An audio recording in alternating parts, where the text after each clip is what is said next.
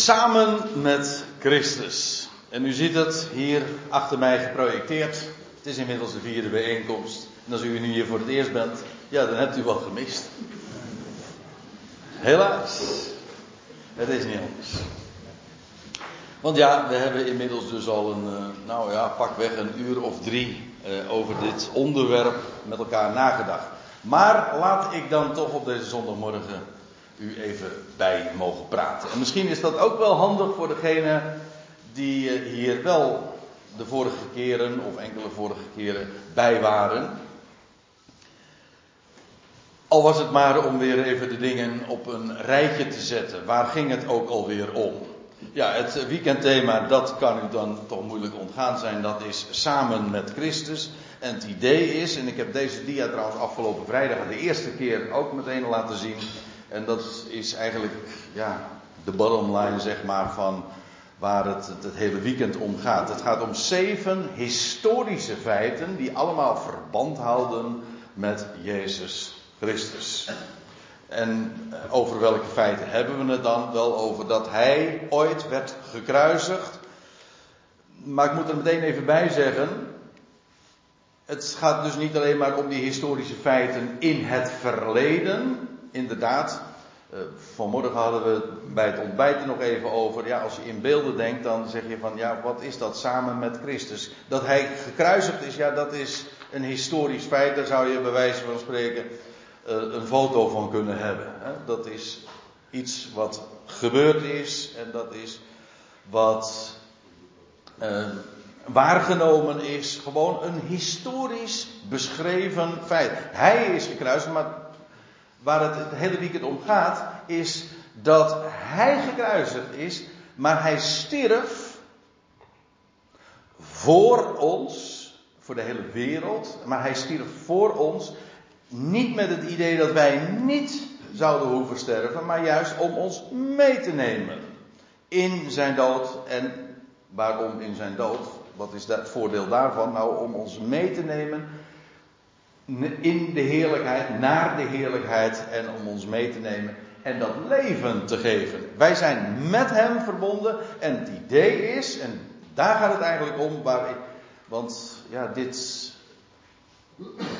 dit thema, maar ook deze benadering van dat samen met Christus verbonden zijn, dat zie je in al Paulus' brieven. Ja, vrijwel al Paulus' brieven dat hij op deze manier over deze dingen spreekt. Hij als enige, dat moet ik er ook nog bij zeggen. Ik bedoel, bij Jacobus en Petrus en Johannes vind je het niet. Maar het idee is, hij stierf. En hij is gekruisigd. En hij werd begraven. Maar wij zijn daarin met hem gerekend. God ziet ons nu al zo aan alsof dat met ons ook gebeurd is. En verbonden met hem. Dus wij, wij stierven niet. Nee, hij stierf. En wij worden gerekend. Dat woord gerekend is heel belangrijk. Zo ziet God het. Zo kijkt hij er tegenaan. Wij worden gerekend met hem. Dus wij zijn met hem gekruisigd, met hem gestorven, met hem begraven. Maar ook, en daar gaat het natuurlijk om, uh, met hem opgewekt en levend gemaakt. Hij stierf opdat wij het leven zouden ontvangen. En dan hebben we het over het leven aan de andere kant van het graf. Het leven dat de dood achter zich heeft. Een leven van onvergankelijkheid. Wel, dat leven zou hij aan ons geven. En uiteindelijk de hele mensheid. Want ja, in Adam sterven allen. Feitelijk is dat ook iets. Hè? Adam nam ons mee in de dood. Wel, zo neemt Christus ons ook mee in de dood, maar dan om nieuw leven te geven. Hij is de laatste Adam. En zoals wij verbonden zijn met Adam, gewoon vanwege onze oorsprong, wat met hem overkwam, wat hem overkwam, eh, dat overkomt ons. Hij nam ons daarin mee. Wel, dat geldt ook voor de laatste Adam. Dus met hem gekruisigd, gestorven, begraven, opgewekt, oftewel levend gemaakt. En met hem in de hemel gezeten, met hem verborgen, met hem geopenbaard in heerlijkheid. En deze laatste drie feiten, ja, dat is uh, dan iets uh, heel bijzonders, waarover nu dus wat meer, want daarover hebben we het feitelijk nog niet echt gehad. Nou ja, het is zo links en rechts al even voorbij gekomen, dat wel. Maar dit onderwerp vinden we alleen in de brieven, zoals we dat dan noemen, de gevangenisbrieven. Of uh, beter gezegd, of preciezer gezegd, de brief aan de Efeziërs en de brief aan de Colossers. Paulus was een gevangene in Rome en hij heeft deze brieven opgetekend. En kijk, in, in de Galaten, in de Korinthebrief, trouwens ook in die andere brieven van Efeze en Colossus, daar wordt eh, gesproken over met hem gekruisigd, gestorven, begraven, maar opgewekt ook met hem. In deze gevangenisbrieven brengt hij ook naar voren dat wij met hem, met Christus, ook gezeten zijn in de hemel en ook daar met hem verborgen zijn.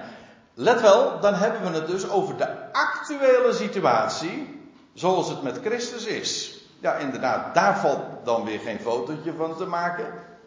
Ik bedoel, dat is, onttrekt zich eh, geheel aan het oog. Dat is daarboven. Daar is hij gezeten, dat is uh, aan het oog. Daar is, dat, dat is juist ook de clue. Hij is verborgen. Maar wij zijn ook daarin verborgen met hem. En dat geldt trouwens ook voor het laatste. Daar komen we straks nog over te spreken.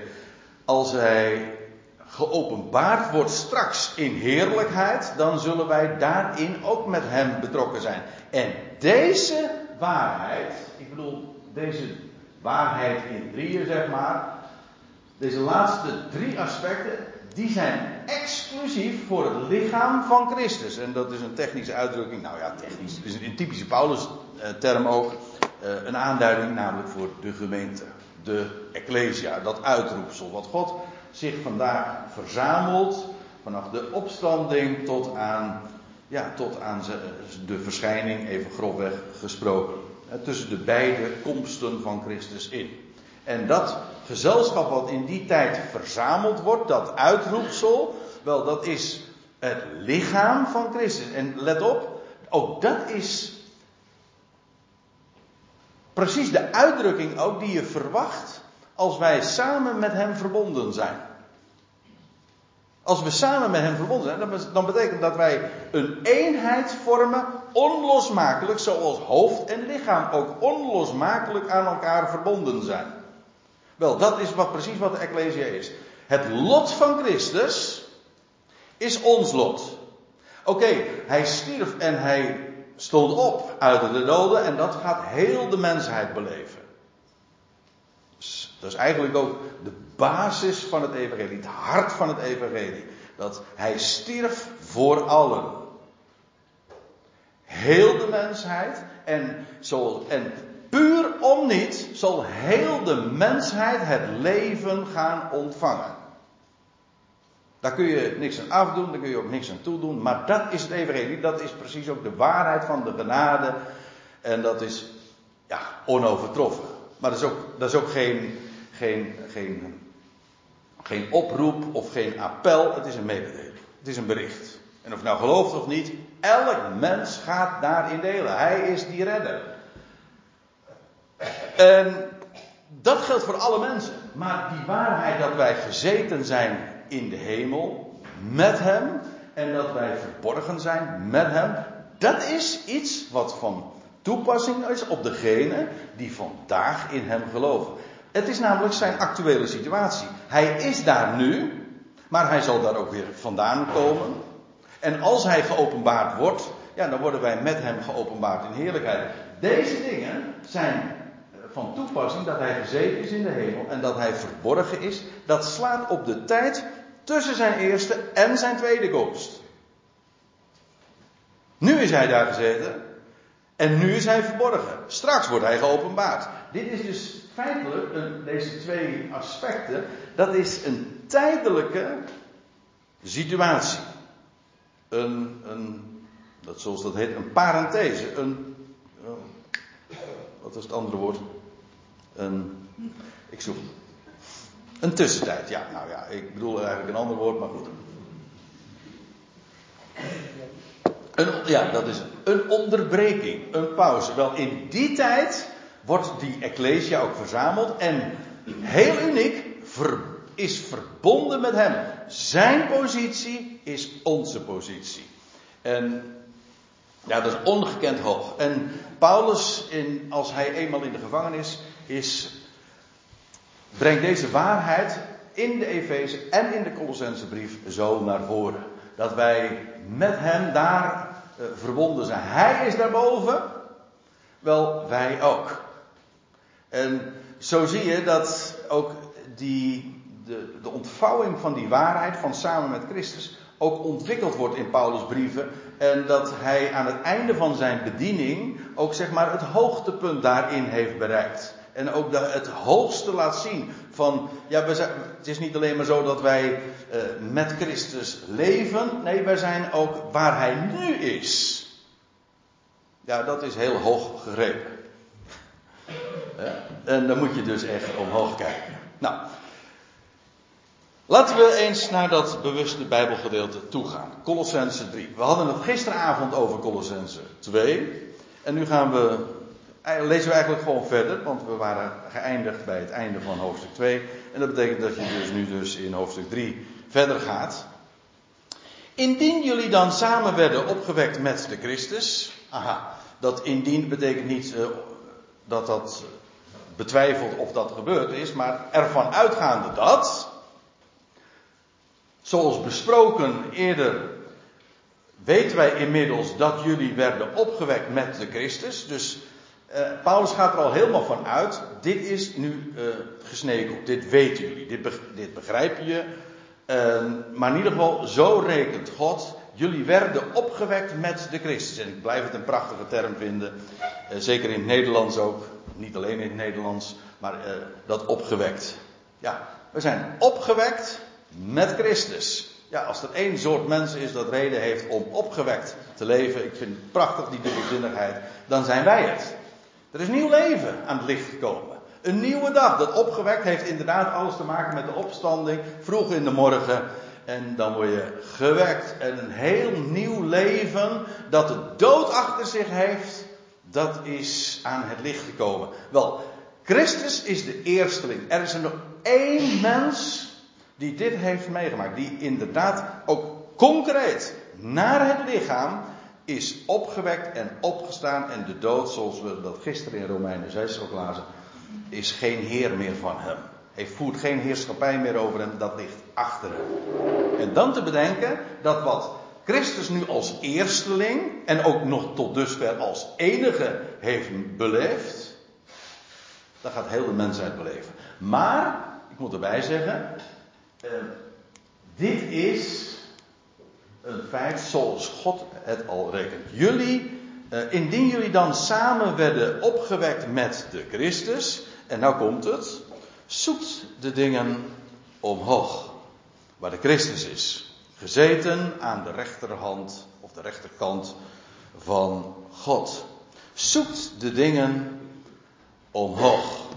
Oftewel, zoek de dingen, zoals de MBG zegt, boven. Daar. Die kant op kijken. Dat vind ik trouwens ook erg mooi, want ik had het net over opgewekt. Maar we weten ook allemaal dat als je uh, omhoog kijkt. Hm? Kijk omhoog, hè? Sammy. En dat geldt niet alleen voor Sammy. Ik zou zeggen, dat zeg je allemaal. Kijk omhoog. Ja, want hier beneden, dat is ook dat is weer een ander lied. Hier beneden is het niet. Nee. Het ware lieve leven, loven is slechts waar men Jezus ziet. Daar. Kijk omhoog. Ik vind ook, daar zijn mensen ook op gemaakt. En ik heb ooit uh, wel eens een keer uh, gehoord, en ik heb trouwens uh, meer dan eens ook doorgegeven en verteld dat het Griekse woord voor mens, dat is eigenlijk ook, als je het ontleent, en dat is samengesteld uit een paar woorden, en dat betekent eigenlijk iemand die dit doet. Een naar omhoog gericht kijker. als je het helemaal ontleent in zijn elementen. En het idee is dus, een mens kijkt naar beneden. Daar word je niet vrolijk van. En iedereen die niet vrolijk is, die kijkt naar beneden. Gek hè? Hoe zo'n lichaamshouding eigenlijk illustratief is voor wat er eigenlijk in het hart ook aan, aan, aan de hand is. Dan kijk je naar beneden, dan word je teleurgesteld, gedeprimeerd, te neergedrukt. Wat dacht u daarvan? Kijk je naar beneden en dan ben je teleurgesteld. Je hebt verwachtingen. Misschien kijk je wel eens omhoog en dan raak je teleurgesteld. Dan kijk je naar andere mensen. En dan, uh, of je kijkt naar jezelf. En dan had je verwachtingen van. En, nou, daar word je ook niet vrolijk van. En, en dan word je te neergedrukt. Ja, dan ga je naar beneden kijken. En, en wat is geweldig dan? Als je, als je eh, mag leren omhoog te kijken. Maar dat kan ook alleen maar als je weet dat daar je hulp vandaan komt. Dat is trouwens weer een ander Bijbelgedeelte. Ik hef mijn ogen op naar de bergen. En dan niet, moet ik er dan ook nog even bij zeggen, want de NBG-versie, heb je Psalm 121. In de NBG-versie staat dan, ik hef mijn ogen op naar de bergen, van waar zal mijn hulp komen? Vraagteken. Zo, dat is dat, is dat vertwijfelde. Nee, uh, dat vind ik waar hij zegt, ik hef mijn ogen op naar de bergen, van waar mijn hulp zal komen. Kijk, dat is, dat is echt opgewekte taal met het hoofd omhoog, namelijk verwachtingsvol. Daar komt mijn hulp vandaan. Niet van hier beneden, niet van de mensheid, niet van mijzelf. Ik kijk omhoog. Daar, daar is mijn schepper. Daar is de God. Daar is Hij. En als ik hulp heb, uh, te verwachten, dan is het alleen van hem en hij geeft het ook. Nou, ja, dat is waar het om, om gaat. Kijk omhoog. Maar hier is het trouwens ook, uh, heeft, heeft het nog een reden. En dat gaat Paulus in deze verse uiteenzetten. Uh, jullie werden opgewekt met Christus. Hier zit al de suggestie in. Dat betekent, jullie zijn met hem uh, één plant gemaakt, hè, verenigd, vergroeid. Jullie worden met hem gerekend. Maar dat betekent dus dat als hij daar is, dan zijn wij daar ook. Dat staat hier nog niet, maar als u twee versen of een vers verder leest, wel. Uh, zoekt de dingen omhoog.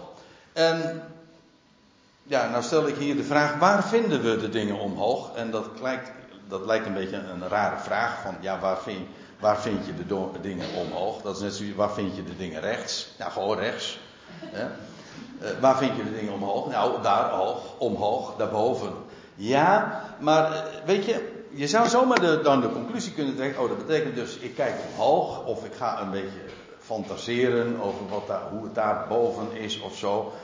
Maar het is veel concreter. De dingen omhoog, die vinden we gewoon. Oh, dan maak ik ineens mijn Bijbel kapot. Oh een 25 of 30 jaar oude Bijbel. Nou ja. Nou ja. Er moet toch nog eens wat aan gedaan worden. Dat heb je met digitale Bijbels niet, hè? Maar ik bedoel, waar vind je de dingen omhoog? Gewoon in zijn woord. Want ja, in, het antwoord is dus in de schriften. Want daar wordt gesproken over de dingen omhoog. Dus het is niet zo van dat wij maar hoeven fantaseren of je ogen dicht te doen van ja, hoe zal het daar zijn? Zo wordt het wel eens opgevat. Of een uh, uh, kwestie van mediteren. Uh, in de zin van, ja, dan bedoel ik nog niet eens in de oosterse zin van jezelf leegmaken, dat sowieso niet. Maar ook niet, het is ook niet zomaar het, het bedenken in de zin van het creatief je proberen voor te stellen of zoiets visualiseren. Of, nee, je hoeft helemaal niks te visualiseren, want het is al gevisualiseerd. Ik bedoel in de schriften. Dat is eigenlijk gewoon in de schriften, en dan bedoel ik ook, niet alleen de brieven van Paulus, maar bedoel ik ook heel de Bijbel, dat wil zeggen ook de Tenach, de Bijbel. Daar vinden we allemaal visualisaties, om het eventjes dan de term te hanteren.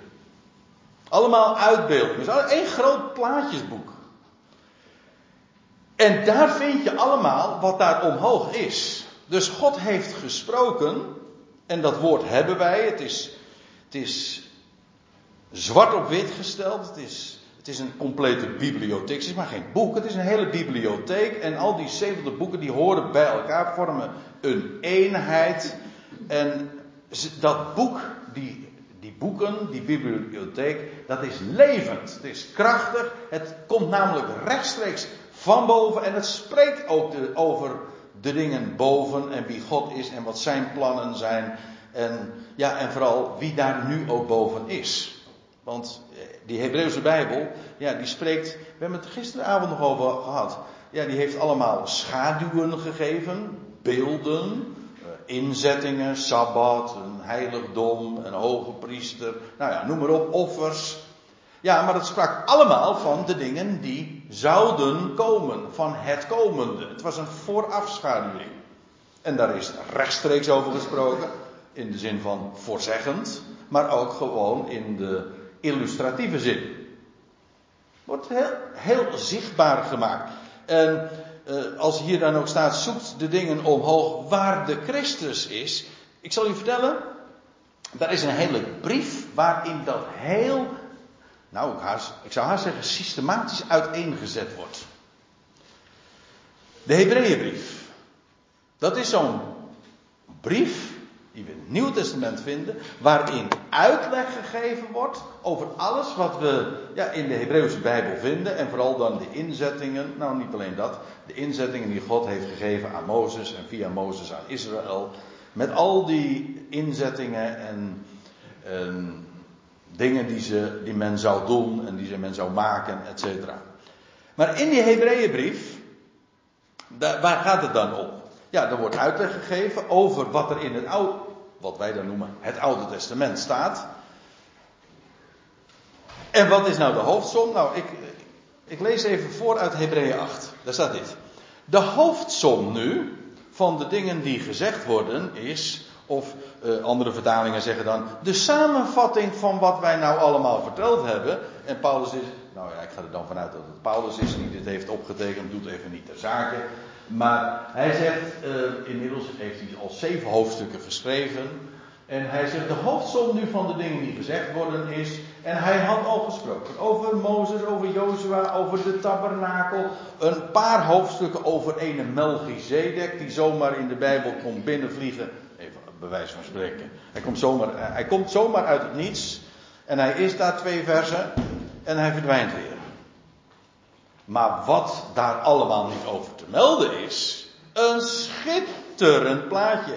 Nogmaals, daar hoef je helemaal niks over te visualiseren. Dat is gevisualiseerd. gevisualiseerd ja. Dat is allemaal gewoon zo uitgebeeld, zo prachtig beschreven en geïllustreerd. Het is gewoon een plaatje.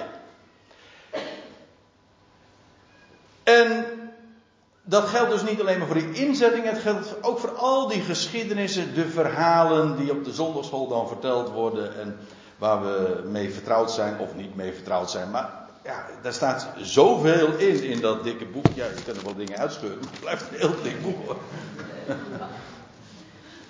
en, u ziet trouwens, dit zijn de brieven, dit zijn de brieven van Paulus trouwens. Oh, die zijn een beetje stuk, die zijn stuk gelezen. Um, nou, Paulus, of de schrijver van de Hebreeënbrief, die vat het samen. Hij zegt, de hoofdsom nu van de dingen die gezegd worden is, en nou volgt een dubbel punt, wat is de hoofdsom? We hebben nu alleen maar vastgesteld waar hij over gesproken heeft en waar hij aan gerefereerd heeft. Nou zegt hij, wij hebben zulk een hoge priester, die is gaan zitten aan de rechterzijde van de troon van de majesteit in de hemel. Dat is een hele mond vol, maar het betekent in ieder geval, hij is nu gezeten, die zit? Ja, is een positie van rust, ook van triomf, want hij is daar boven gezeten. En bovendien een positie van eer en voorrang, hè, rechts. Van de troon, hij aan de rechterzijde van de troon van de majesteit in de hemel. Dat is drie keer gewoon een positie van troon, van triomf, van overwinning. Gaan zitten, rechts, troon van de majesteit in de hemel, alsjeblieft. Dat kan je niet ontgaan. En Paulus zegt, dat is de samenvatting, de hoofdsom nu van wat we allemaal verteld hebben, over dingen die allemaal al beschreven staan in het Oude Testament. En hij is daar nu gaan zitten en hij is een bedienaar van, de, van het heiligdom, van de heilige dingen in de ware tent, in de ware tabernakel. Dat wil zeggen, Christus is daar nu in de hemel. Gisteren hebben we het er al even over gehad. Hij is daar een hoge priester. Hij draagt daar zijn volk ook. Als een, met die schouderstenen wel op zijn borst, op zijn schouder. En daar is hij voor Gods aangezicht. Daar is hij ook verborgen. Ik bedoel, wat een hoge priester in het heiligdom deed, is niks anders dan een illustratie van de huidige tijd. Namelijk waarin de hoge priester verborgen is. Hij is er wel, maar niet zichtbaar. En hij, hij wordt wel weer zichtbaar, maar dat is toekomst. Dat is wanneer hij geopenbaard gaat worden in heerlijkheid. Maar ziet u, eigenlijk wat ik ermee bedoel te zeggen is dat heel die Hebreeuwse Bijbel ons spreekt over de Heer Jezus Christus, die nu, nadat hij het werk volbracht heeft hier op aarde, nu aan Gods rechterzijde troont, inderdaad verborgen, en daar zit, ook dat was trouwens allemaal keurig voorzegd, ook David wist er al van en heeft daarover gesproken en voorzegd, en hij zit daar totdat, ja, totdat, hij, totdat zijn vijanden gesteld worden tot een voetbank voor zijn voeten. En dan gaat hij regeren. En dan wordt hij openbaar. En dan gaat hij hier op aarde opereren, om zo te zeggen. Ik bedoel, het is nu nog allemaal een hemelse zaak. Daarboven, volkomen het, uh, onttrekt zich dat aan de waarneming hier op aarde. Dat is manco ook voor ons, zeg maar. We, we leven helemaal op geloof. Ik bedoel, we zijn helemaal georiënteerd op het geloof. Wat, wat gezegd wordt. We, er valt niks te zien.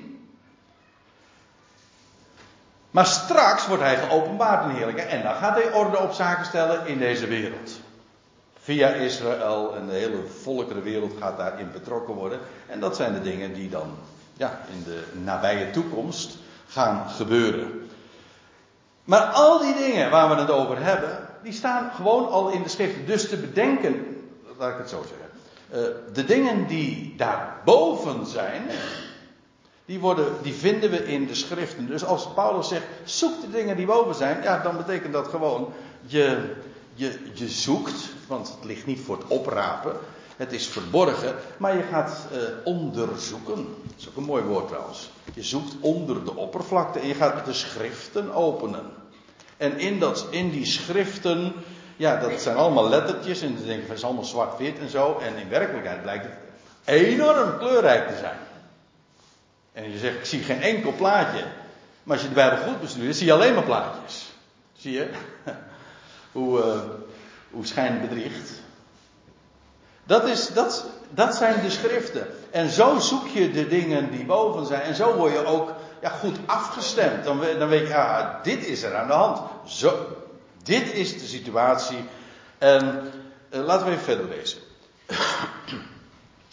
Bedenkt de dingen omhoog, niet de dingen op de aarde. Ik moet er trouwens bij zeggen, het is niet alleen maar uh, dat zoeken van de dingen boven, uh, je verdiepen in de dingen van, die in de schrift staan, omdat we daarbij gewezen worden op boven. Het is in feite iets wat onze houding aangeeft. Bedenken heeft te maken met georiënteerd zijn op gezindheid. Je ziet het hier in de vertaling of in die de meest letterlijke weergave. Gezind, geneigd tot. Het, het duidt op een houding. Je bent georiënteerd, gericht op de dingen boven. En dat is maar niet zo, dat, zijn niet zomaar de situaties dat je uh, de schriften opent en daar heel actief aan kunt denken. Maar het heeft te maken met iets wat je heel je leven kan en mag doen. En, kijk, bedenk de dingen omhoog. De gedachte is eigenlijk, voor zover we dan nog in de wereld zijn, we hebben het daar ook al een paar keer over gehad, hè. Eigenlijk ons leven is daar, maar voor zover we dan nog hier in het vlees op aarde zijn, dan zijn we op aarde en dan oriënteren we ons op de dingen boven. Ja, maar het idee is dus, je bedenkt de dingen omhoog, dat suggereert dus dat we in die zin dus nog op aarde zijn. En u zegt van, ja, dat, dat lijkt me nogal logisch, want dat is iets waar ik elke dag mee geconfronteerd ben. Dat lijkt me niet. Toch? En, maar terwijl je hier op aarde bent, in alle aardse verhoudingen en situaties. En ja, we komen daar vandaag verder niet meer aan toe. Maar ja, dat zijn. Dan, dat wordt zo concreet. Als je dat bijvoorbeeld in het vervolg van Colossense 3 ook leest. Hoe Paulus dan ook laat zien. Dat je, ja, je bent in een situatie geplaatst. Je bent een man, je bent een vrouw. In een gezinssituatie, het huwelijk of whatever. Of in, als, als slaaf of als heer. nou, dat is niet direct actueel voor ons, omdat wij zulke maatschappelijke verhoudingen niet meer kennen. Maar gewoon in al die posities waarin je gewoon hier op aarde bent,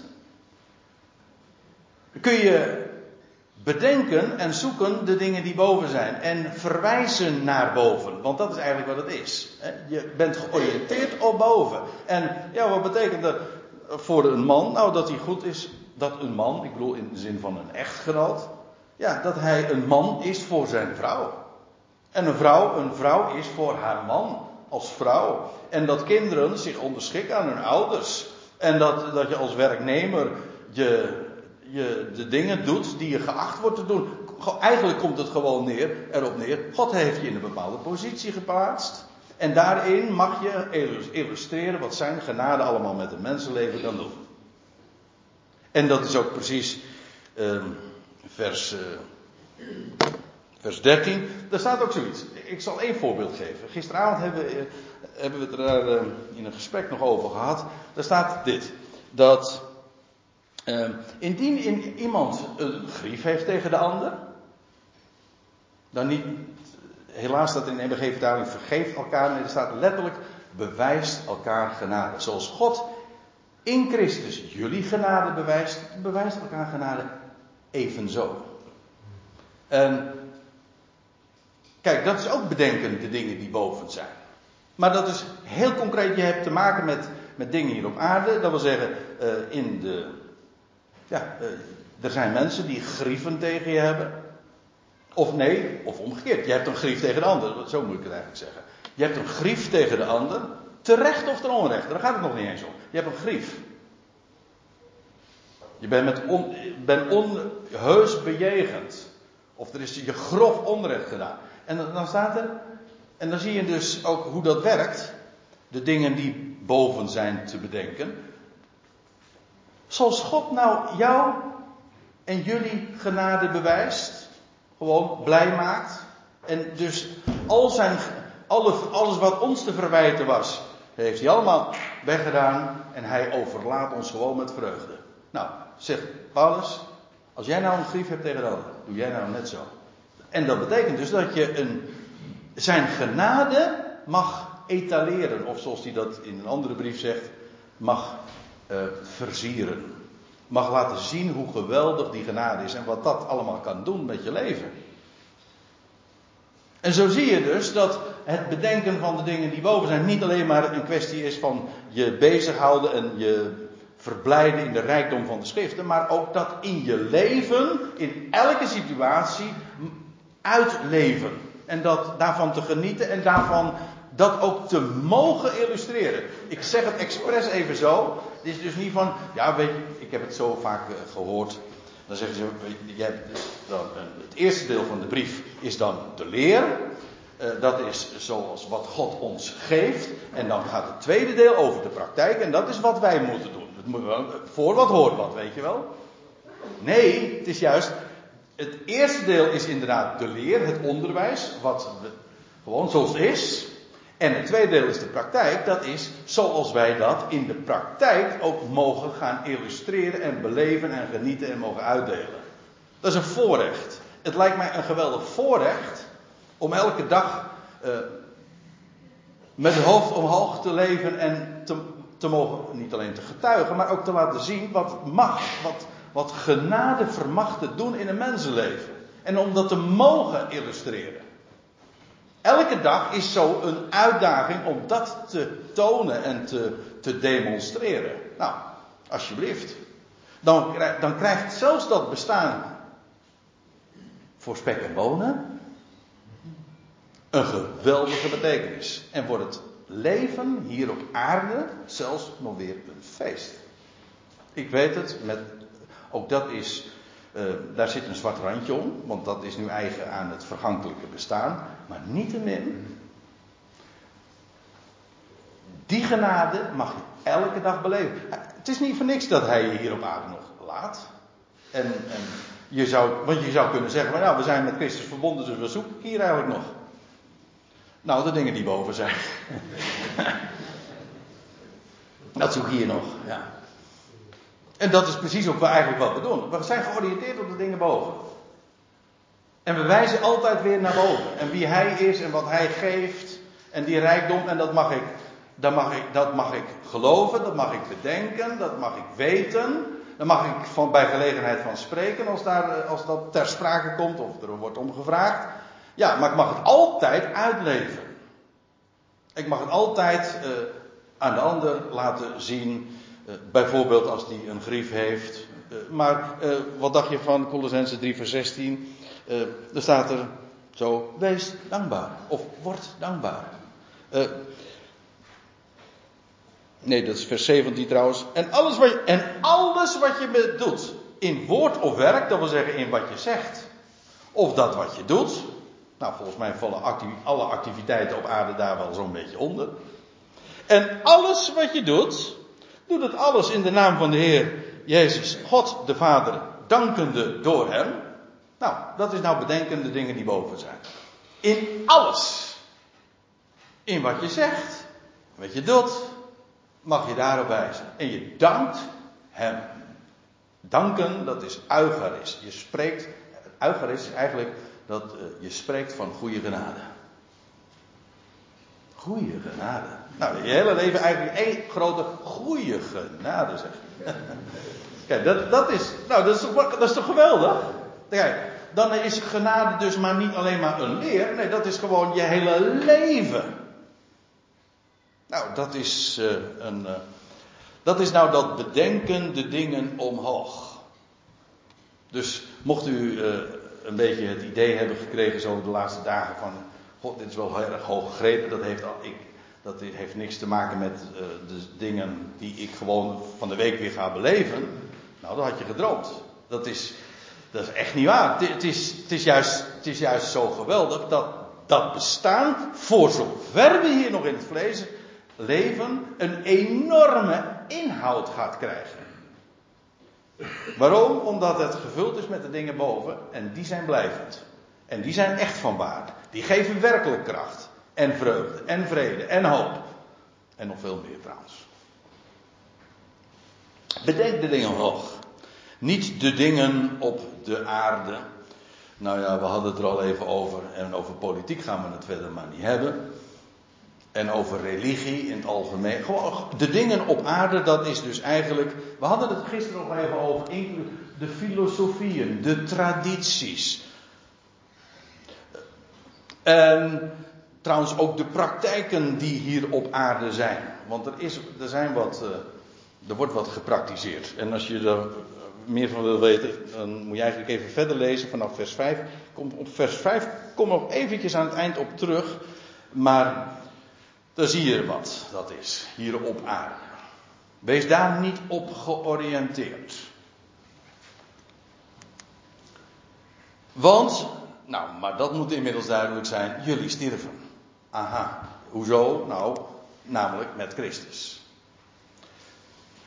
En het leven van jullie is verborgen samen met de Christus in God. Dus nu stel ik weer de vraag: waar is ons leven? Dus dus niet hier, hè? Is daar. En wat, eh, dat, hier, dat hier, we hebben dat vrijdagavond, gisterochtend, gisteravond weer uh, gezien, in allerlei verschillende schriftgedeelten. Dat hier telt wezenlijk niet meer. Wat wezenlijk telt, is het leven dat daar in Christus is. Jullie sterven namelijk met hem en het leven van jullie, waar is dat? Wel verborgen. Waar dan? Nou, met de Christus. De Christus leeft namelijk. Dat, dat lijkt me heel concreet, hè? Want hij heeft namelijk het graf leeg achtergelaten. Hij is de levensvorst. Wel, en waar is hij nu? Wel daar, boven. In het hemels heiligdom en daar is hij verborgen. En dat geldt alles in de huidige huishouding of bedeling of in het huidige beheer, de godseconomie. Eh, zo, dat zijn van die termen die Paulus ook gebruikt. Dat is allemaal verborgen.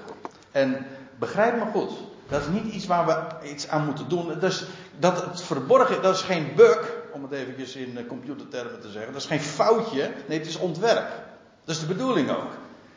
Dat alles verborgen is. Want je hebt mensen die zeggen van ja, het is verborgen. En het is onze taak om het vandaag allemaal het koninkrijk openbaar te maken in deze wereld. Zo van, daar moeten we wel wat aan doen. Nee, dat moeten we niet. Dit is juist de bedoeling. Hij is verborgen. Dat is inderdaad gekoppeld aan de tijd. Het, is, het heeft een termijn, daarover straks meer. Maar het heeft een termijn. Hij is verborgen en wij zijn met hem verborgen. Met hem verborgen. Zoals hij verborgen is, zijn wij verborgen. Ook dat is trouwens te vinden in de schrift. Als je onderzoekt, onder de oppervlakte, want daar vind je talloze illustraties van. Dat hij inderdaad verborgen is. Nou ja, ik heb even zo een paar voorbeelden gegeven. Je hebt de geschiedenis van een Jozef in de gevangenis.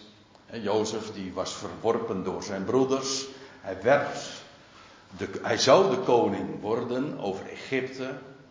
En in die tussentijd, voordat, nadat hij verworpen is door zijn broeders, en, na, en voordat hij koning is in Egypte, en daar ook trouwens de erkenning vindt van zijn broers, in die tussentijd is hij verborgen in een gevangenis. En toen schreef hij brieven. Oh nee, dat was Paulus. Uh, maar hij was verborgen in de gevangenis. En wat doet hij daar in de gevangenis? Hij spreekt van verborgenheden, want er, waren gevangenen een bakker en een schenker en die hadden dromen en hij legt ze uit. Verborgenheden legt hij uit, daar in de gevangenis. Nou, alsjeblieft. Uh, zeg, ga me niet vertellen dat er geen illustraties of geen plaatjes in de Bijbel staan. Dit is een geweldige illustratie. En die vind je zomaar hier. Nou, dat is een bekende geschiedenis van Jozef in de gevangenis. Maar als je onderzoekt, dan is het veel meer dan een mooi verhaal. Een mooie geschiedenis. Nee, en dus ook niet alleen maar een morele les van dat je ook, ook als je eh, verworpen bent door de mensen, dat je altijd mag vertrouwen op God. Ook die les zit daarin natuurlijk. Dat heeft Jozef ook ondervonden. Want Jozef zat er niet mee. Nou ja, goh, hij zat er niet mee, weet ik ook niet. Maar in ieder geval, die wist. Uh, ja, Jozef had ooit zelf een droom gehad. En die wist, ik kom daar, ik, er komt een tijd. Er komt een tijd, hoe dan ook, hoe God dat gaat regelen, weet ik misschien nog niet. Maar dat mijn broers allemaal voor mij gaan neerbuigen. En dat is ook zo. En daarom had Jozef in die tijd dat hij daar nog helemaal niks van zag, alles was verborgen, had hij vast vertrouwen. Kijk, zie je hoe, hoe een enorme kracht dat in je leven is en kan zijn. Jozef in de gevangenis, of wat dacht u van een Mozes en Midian? Mozes was ook verworpen door zijn broers. Toen is hij hij zou de leider worden van zijn volk, maar er is een hele tijd daartussen geweest dat hij in Midian was. Nou ja, ik ga er maar niet te veel over vertellen, want uh, ik zie dat de klok tikt. Uh, een Jefta in het land Tof, die is nog wat moeilijker. Jefta was trouwens ook verworpen door zijn broers. En zou uiteindelijk wel degelijk voor hen de, de, de kastanjes uit het vuur halen. En hij zou een leider en een koning min of meer worden. Uh, en in de tussentijd zat hij in het land Tof. En mag u een paar keer raden wat, het, wat tof betekent? Ja, u kent meer Hebreeuws dan u denkt. Of een David in Adullam, ook verworpen. Hij was bestemd om koning te zijn, maar was het nog lang niet. En in die tussentijd was hij in, ja, in de verborgenheid. Olam, Ad Olam, uh, Adullam. En er, was, en er was een stelletje Gaius was daar bij hem dat stelt niet veel voor. En dat is een type van ons dus. Ja. Ja. Die zegt gewoon, nou, dankjewel André. Dat is een opsteken. Maar ik, heb ik, ik kan u wel verklappen, want dat Gaius kreeg een geweldige. Want toen ze deelden in Davids lot, terwijl die verworpen werd en dat, terwijl hij het vege lijf moest zien te redden, want in de tijd dat hij eenmaal koning werd, daadwerkelijk, daar was hij al voor gezalfd, maar de hele tijd zag je daar helemaal niks van. Toen hij eenmaal koning was, waren al die lui die bij hem in Adullam waren, en die, die kregen allemaal koninklijke posities. En mochten met hem gaan heersen. Kijk, daar heb je het. En dan zeg ik van nou, dan vind ik het toch niet zo verkeerd om bij dat Gaius te horen. Gaius is trouwens volgens mij ook Hebreeuws. Goyim of zo. Gooi. Gooi. Ja? Dus het klopt allemaal, hè? Ja, het klopt. Ja. Maar goed, ik bedoel maar dit te zeggen. Uh, jullie leven is verborgen en zo hoort het ook. Het, denk niet dat het een foutje is dat we niks zien. Dat is juist de essentie. Ik vind het trouwens buitengewoon belangrijk, ook heel praktisch. Want als je denkt dat je wel zo wat zou moeten zien, raak je gefrustreerd. En dat heb je ook mensen die denken dat, ze, dat er nu genezing is en het koninkrijk wordt zichtbaar en het tekenen. En nou, breek me de bek niet open over de frustraties die dat oplevert. Omdat het allemaal mensen zijn die nu iets willen zien. Nee, er valt niks te zien. Dat is juist karakteristiek voor deze hele tijd waarin Christus verborgen is. Wij zijn verborgen met Hem. Dus al valt er eh, bij dit gegeven niks te zien, het is buitengewoon belangrijk om het te weten. Want dan raak je ook niet van je stuk als, je, als er niks te zien valt, want dan zeg je, ja, het klopt toch dus. dus. Dan word je dus bevestigd in het feit dat ik zie niks. Nee, nou, dat is juist precies waar het om gaat. Nou, en nou komen we bij de toekomst. Wanneer dan ook de Christus openbaar gemaakt zal worden, ja, eh, dat hangt er nu dit weekend een beetje bij. En dat is natuurlijk uh, wel jammer, maar goed, ja, je moet je beperken. Maar Paulus zegt dat zo even. Kijk, we zijn nu met Christus verborgen. Christus zelf is verborgen. Maar als hij straks gemanifesteerd gaat worden, geopenbaar gemaakt zal worden. Christus, namelijk jullie leven. Nou, dan, je, je zou het gewoon al, eh, zelf alweer kunnen invullen wat je dan kan verwachten. Nu. Als je eenmaal zes keer inmiddels al gezien hebt van, nou, we zijn Christus stierven, wij stierven met hem. Hij is begraven, wij met hem begraven. Hij werd opgewekt, wij werden met hem opgewekt. Nou, als je dat nu al zoveel keren gezien hebt, en nou wordt Christus straks openbaar gemaakt, wat denk je dat er gaat gebeuren dan? Ja, dan kun je het plaatje eigenlijk zelf wel invullen. Dan worden wij met hem geopenbaard in heerlijkheid. Dit gaat gebeuren. Want die tijd van dat Israël terzijde staat, dat is eigenlijk het meest karakteristieke van deze tussentijd waar we het over hebben. Israël staat aan de zijlijn. Ja, maar dat is niet altijd. Hij wordt, de Heer gaat aan Israël verschijnen. Ja. En ik, uh, zo tegen het einde van dit uh, tweede millennium. Het is bijna twee millennia geleden dat de Heer het aardse toneel verliet. En gezeten is aan Gods rechterhand. En verborgen werd. En die twee millennia zijn bijna voorbij. En het, aan het einde zo van deze twee millennia. Vind ik het zo geweldig om hier in Maren te zijn en elkaar erop te wijzen, mensen. Die derde dag, want zo rekent God, hè, een dag is als duizend jaar. na twee millennia breekt de derde dag aan. Dus binnenkort. Nee, ik ga geen data zetten. Dat is ook helemaal niet nodig. Maar de derde dag die is naar mij. Hoe dat dan precies in zijn werk gaat, daar hebben we het dan uh, bij de meet en greet over, zullen we maar zeggen. Dit is meer dan genoeg. Hij, wordt, hij gaat openbaar gemaakt worden. Na twee, dat stond ook al in de profeten.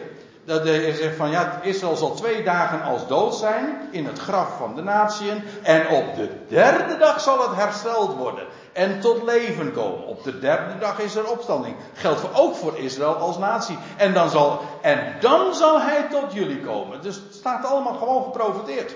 Na twee dagen, na die twee millennia. Nou, en als hij dan geopenbaard gaat worden in de heerlijkheid, ja, dan jullie ook. Dan zullen ook jullie, en we hadden het zelf al eigenlijk uh, kunnen bedenken, maar hier worden we dan daar zwart op wit in bevestigd. Dan zullen ook jullie beste Adullammers. Hm? Met hem, samen met hem, openbaar gemaakt worden in heerlijkheid. En dan zal hij verschijnen. En dan vind ik het zo mooi, ik wilde er toch even ge, uh, op gewezen hebben. Dan zullen jullie verschijnen. En als hij dan openbaar wordt, kijk maar eens na in Zachariah 14. Dan verschijnt hij en alle heiligen met hem. En dan vraag je, alle heiligen, wie zijn dat nou ineens weer? Dat is verborgen daar. Er is iemand die dat openbaar maakt, wie dat zijn. Zo'n verborgenheid, zo'n geheim. Zo'n, ja, dan denk je als schenker van, ja, wie zijn dat toch? Ik heb gedroomd dat. Nou, en dan uh, kom je bij Jozef en die zegt van, nou, dat zal ik je vertellen, dat zijn wij. En dan zeg je, nou, dan schenken we er nog een. Nou ja, ik geef toe dat het een hele rare beeldspraak is die ik nou gebruik, maar goed. Wie het vatten kan, vatten het. Ja. Ehm, ja, alle heiligen met hem. Ja, dat is daar, als je dat dan leest, er zijn zoveel van die dingen in, in het Oude Testament die is verborgen, die zijn, die zijn verborgen. Ja, en, en dan komt Paulus en die gaat verborgenheden openbaar maken. Dat wil zeggen, dat wat in, voorheen in vorige geslacht allemaal uh, geheim was, verborgen was, niet bekend was, hij maakt dat openbaar. Zo zit dat. Aha, zo zit dat. Kijk, en dan gaat er een licht op. Dan... Dat is toch geweldig? Nou, samen met hem verbonden. Ja, en dan, dan kun je de vraag stellen van, ja, wat doen we dan nog? Ik wil één vers nog even doorlezen. Heel kort. Dan staat er, en ik, ik waarschuw meteen eventjes, maar ik zeg het toch eventjes om het in goede volgorde te zeggen. Dood dan de leden die op de aarde zijn. En ik hoop dat u nu zwaar teleurgesteld bent met deze lezing. Dus, hé? Dood dan de leden die op de aarde zijn. Trouwens, Paulus vult dat dan ook in. Dubbele punt. Hoerderij, porneia. Uh, onreinheid, hartstocht, kwade begeerde, oplichting, dat is afgodendienst. Hij gaat trouwens nog verder ook. En nou zegt hij, uh, maar dat, dat, dat werkwoord dat is zo, dat zou je ook totaal niet verwachten. Als je de hele lijn van de brief had begrepen, dan zou je het woord doden hier niet verwachten. Dus dan, want het betekent namelijk, uh, zowel de NBG als de Statenvertaling zegt dat dan, hè, dood dan de leden die op de aarde zijn. Dat is iets wat je actief dan weer zou moeten doen. Maar als Paulus had juist gezegd, daar niet meer mee te rekenen. En nou worden alsnog weer opgeroepen om te doden de dingen die op de aarde zijn. Ik wil u nog even iets verklappen. Want dit bevestigt precies wat we het hele weekend al hebben vastgesteld. Het staat er niet. Ik zal u vertellen wat er staat. Er staat, versterf dan, of doe versterven dan de leden die op de aarde zijn. En dat is heel anders. Dit woord, het heeft een stromcode, eh, komt maar drie keer voor in het Nieuwe Testament. En beide andere keren, en dat is in Romeinen 4, vers 19 en Hebreeën 11, vers 12, daar wordt het vertaald met, niet met doden, maar met versterven of met verstorven. Abraham was verstorven, Sarah was verstorven. Dat wil zeggen, ja, maar hij heeft niks te maken met doodmaken. Versterven, ik heb het eventjes opgezocht, dat is overlijden als gevolg van het niet toedienen van vocht en voedsel. Het idee is, er wordt geen, het wordt geen voeding gegeven. En dan versterft het. En dan denk je, kijk, dat is precies waar we het over hadden. Het is, je bedenkt de dingen die boven zijn. En daarmee, dat geef je aandacht. En daarmee negeer je He, houd je als doden voor de zonde. Je negeert dat, je geeft dat helemaal geen aandacht. Maar het geheim is natuurlijk van negeren, is dat je iets anders aandacht geeft.